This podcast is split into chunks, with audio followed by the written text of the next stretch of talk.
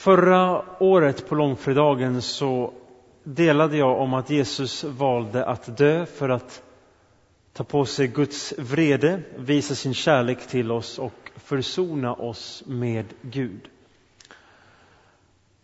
Den här gången vill jag få berätta om ytterligare två skäl att Jesus valde att dö för att visa Gud Faderns kärlek och nåd till oss. För att visa sin egen kärlek till oss. Att våra synder ska kunna bli förlåtna. Den stora frågan i våran tid är varför led Jesus så mycket? Därför lidandet har i alla fall fram till de senaste åren känts och varit ganska främmande för våran kultur. Den stora frågan är varför korsfästes Jesus och vad har det med mig att göra? Och slutligen, vem korsfäste Jesus? Och den som korsfäste Jesus var Gud. Naturligtvis var det romarna som utförde handlingen. Det var judarna som grep honom och förtalade honom inför Pilatus. Men hela Jesus liv och hans död och hans uppståndelse är helt i Guds hand, i hans plan och hans vilja. Det är därför det var Gud som korsfäste Jesus. I det ligger detta att Jesus valde att dö. Läser man Johannes evangeliets beskrivning över Jesus sista tid så märker man hur fullkomligt klart Jesus beskriver att allt är i hans hand. Bland annat så finns det skärtorsdagens text där han säger till lärjungarna som vill skydda honom, Petrus som drar sitt svärd mot soldaterna som kommer för att gripa Jesus i ett semane trädgård. Att om jag hade velat hade jag kunnat be min himmelske fader att sända en legion av änglar att beskydda mig. Så Jesus valde att dö och det första jag vill säga någonting om det var för att visa Guds eller Gud Faderns kärlek och nåd för oss. Lyssna på det här bibelordet ifrån Romarbrevet 5. Gud bevisar sin kärlek till oss genom att Jesus dog för oss medan vi ännu var syndare. Bevisade är ju något man gör i en rättegång när man vill visa att det här stämmer verkligen. Ett ganska kraftfullt ord för Paulus att använda nästan som en juridisk situation. Det här bevisar Faderns kärlek, nämligen att Jesus dog för oss. Och det är så vi till stor del behöver förstå den här dagen, korset. Så här skriver Jesus lärjunge i första Johannesbrevet 4. Kärleken består inte i att vi har älskat Gud, utan i att han, det vill säga Fadern, har älskat oss och sänt sin son till försoning för våra synder. Återigen, Faderns kärlek är synlig i korset. Och så dessa berömda ord från Johannes 3 när Jesus förklarar sin egen uppgift för Nikodemus, en väldigt lärd person men som ändå inte har begripit enkelheten i evangeliet och Jesus agerande. Så säger han, ty så älskade Gud Fadern världen att han gav den sin enda son, Jesus. För att det som tror på honom inte skall gå förlorad utan ha evigt liv. Inte sände Gud sin son till världen för att döma världen utan för att världen skulle bli frälst genom honom.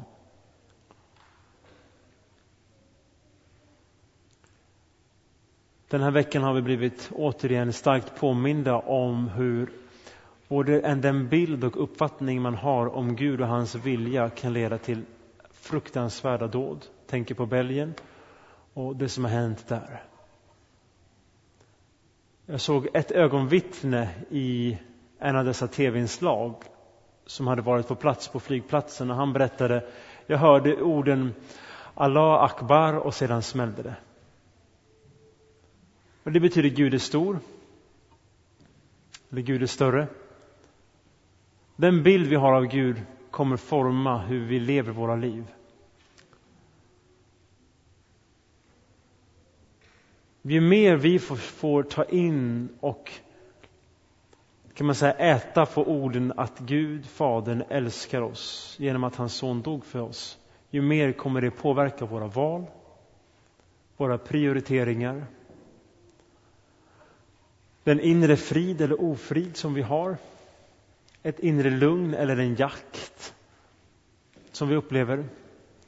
Både när det handlar om så stora saker som lidande och död, men också i vardagliga bestyr och val. Paulus skriver i Romarbrevet 5 Knappast vill någon dö för en hederlig människa. Kanske vågar någon gå i döden för den som är god. Men Gud bevisar sin kärlek till oss genom att Jesus dog i vårt ställe medan vi ännu var syndare.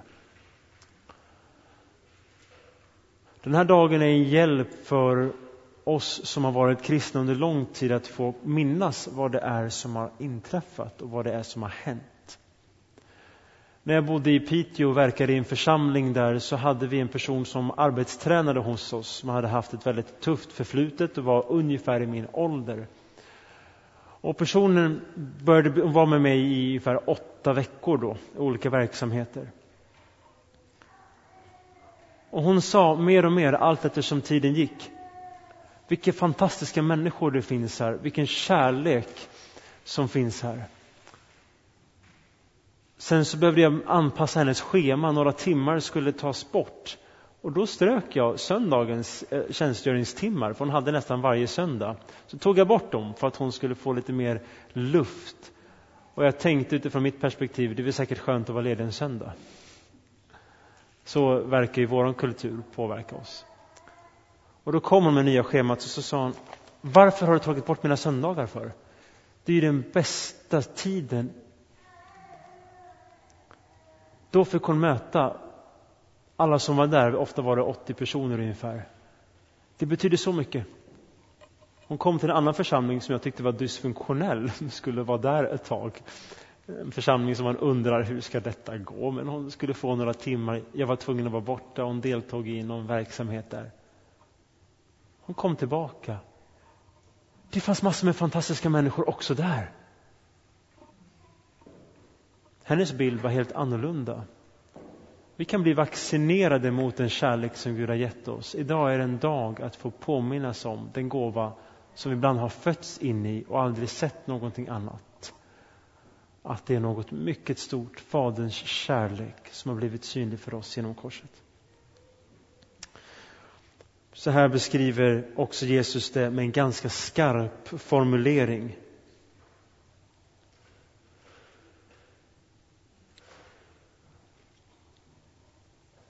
Jag ursäktade Jesus lärjunge Johannes. Ty om vi medan vi var Guds fiender, det är ett skarpt uttryck, blev försonade med Gud genom hans sons död hur mycket säkrare ska vi då inte bli frälsta genom hans liv när vi nu är försonade?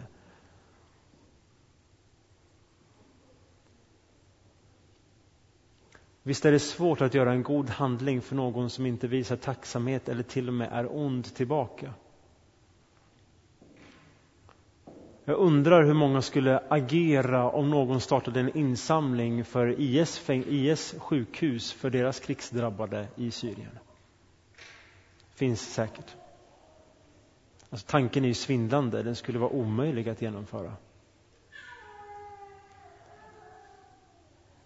Jesus dör på grund av våran synd. Och Bibeln beskriver det som att det är på grund av våra handlingar och bortvändhet som Gud gör det. Och salmen vi precis sjöng, en text är att det jag sådde, det får du skörda. Jag sådde död och du får skörda den döden med ditt liv. Vi har varit Guds fiender. Vi kanske är Guds fiender, men alla kan ju få bli Guds vänner. Jesus visar Faderns kärlek för oss, men han visar också sin egen kärlek för oss. I Efesierbrevet 5 står det att Kristus älskade er, skriver Paulus. Så han utgav sig själv för er till en gåva och ett offer. Korset är en gåva och ett offer för att Jesus Kristus älskade er, skriver Paulus. Och så fortsätter han i samma kapitel och så säger han Kristus älskade kyrkan och gav sitt liv för henne. Och då måste vi minnas, kyrkan är inte en byggnad utan du och jag är ett tempel för den helige Ande. Och vi tillsammans är kyrkan. Och så hör man Paulus ord när han är ganska ung och nyomvänd och han skriver så här. Han som har dödat kristna. Kristus har älskat mig och utgivit sig själv för mig. Tänk att detta stora som ägde rum för länge sedan kan få bli något personligt för oss också var och en.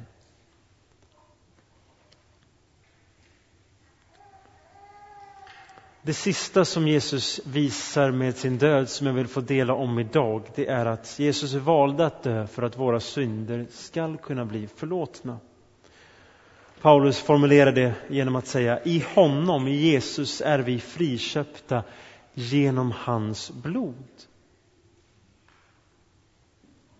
och har förlåtelse för våra synder på grund av Guds rika nåd som han har låtit flöda över oss med all vishet och insikt. Du vet, det hade varit stort nog om Gud hade tittat ner ibland och kanske torkat våra snoriga näsor som en bild av våra liksom, problem som vi ibland har. Hjälpa oss på traven och ge oss lite Alvedon. Men här står det att Gud till och med vill låta sin nåd överflöda. Ni vet den bilden, man får mer än man har bett om. När man går på en restaurang och ber att få ett glas Coca-Cola och så får man över strecket där det står 0,3.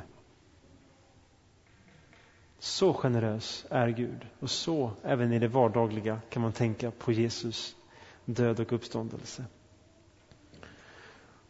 Igår läste vi den här bibelversen. Jesus säger på skärtorsdagen Detta är mitt blod, håller upp kalken då som vi har som nattvardskalk.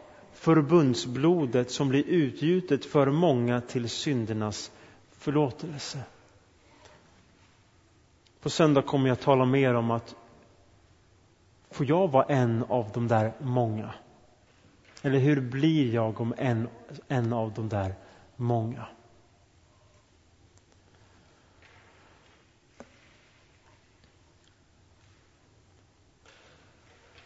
I Levande Bibelns översättning så uttrycks detta på följande vis också.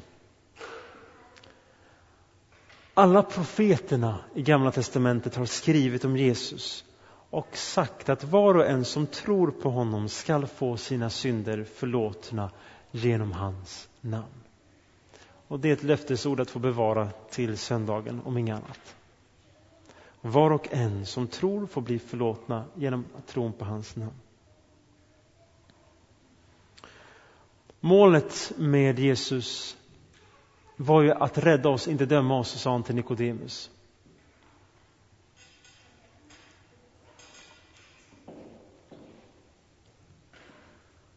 Samtidigt har jag talat om flera bibelverser som på något vis talar om vår synd och ska tynga oss.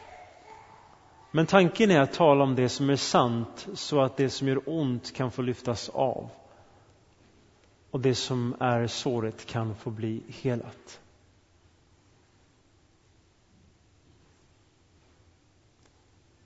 Så målet när man tänker på detta är att kunna få sträcka på sig. För så här har David formulerat i Psaltaren 103. Så långt som öster är från väster låter han våra överträdelser vara ifrån oss. Jag har skrivit en bön som ni har på ert blad. Ni får gärna delta i den och göra den till din egen. Därefter har vi några minuters tystnad. Tack att du dog för mig, Jesus. Låt mig än djupare förstå din kärlek till mig. Tack att du förlåter mig mina synder. Tack för den seger som du vann för mig på korset. Jag tar emot dig och sätter min tillit till dig. I Jesu namn. Amen.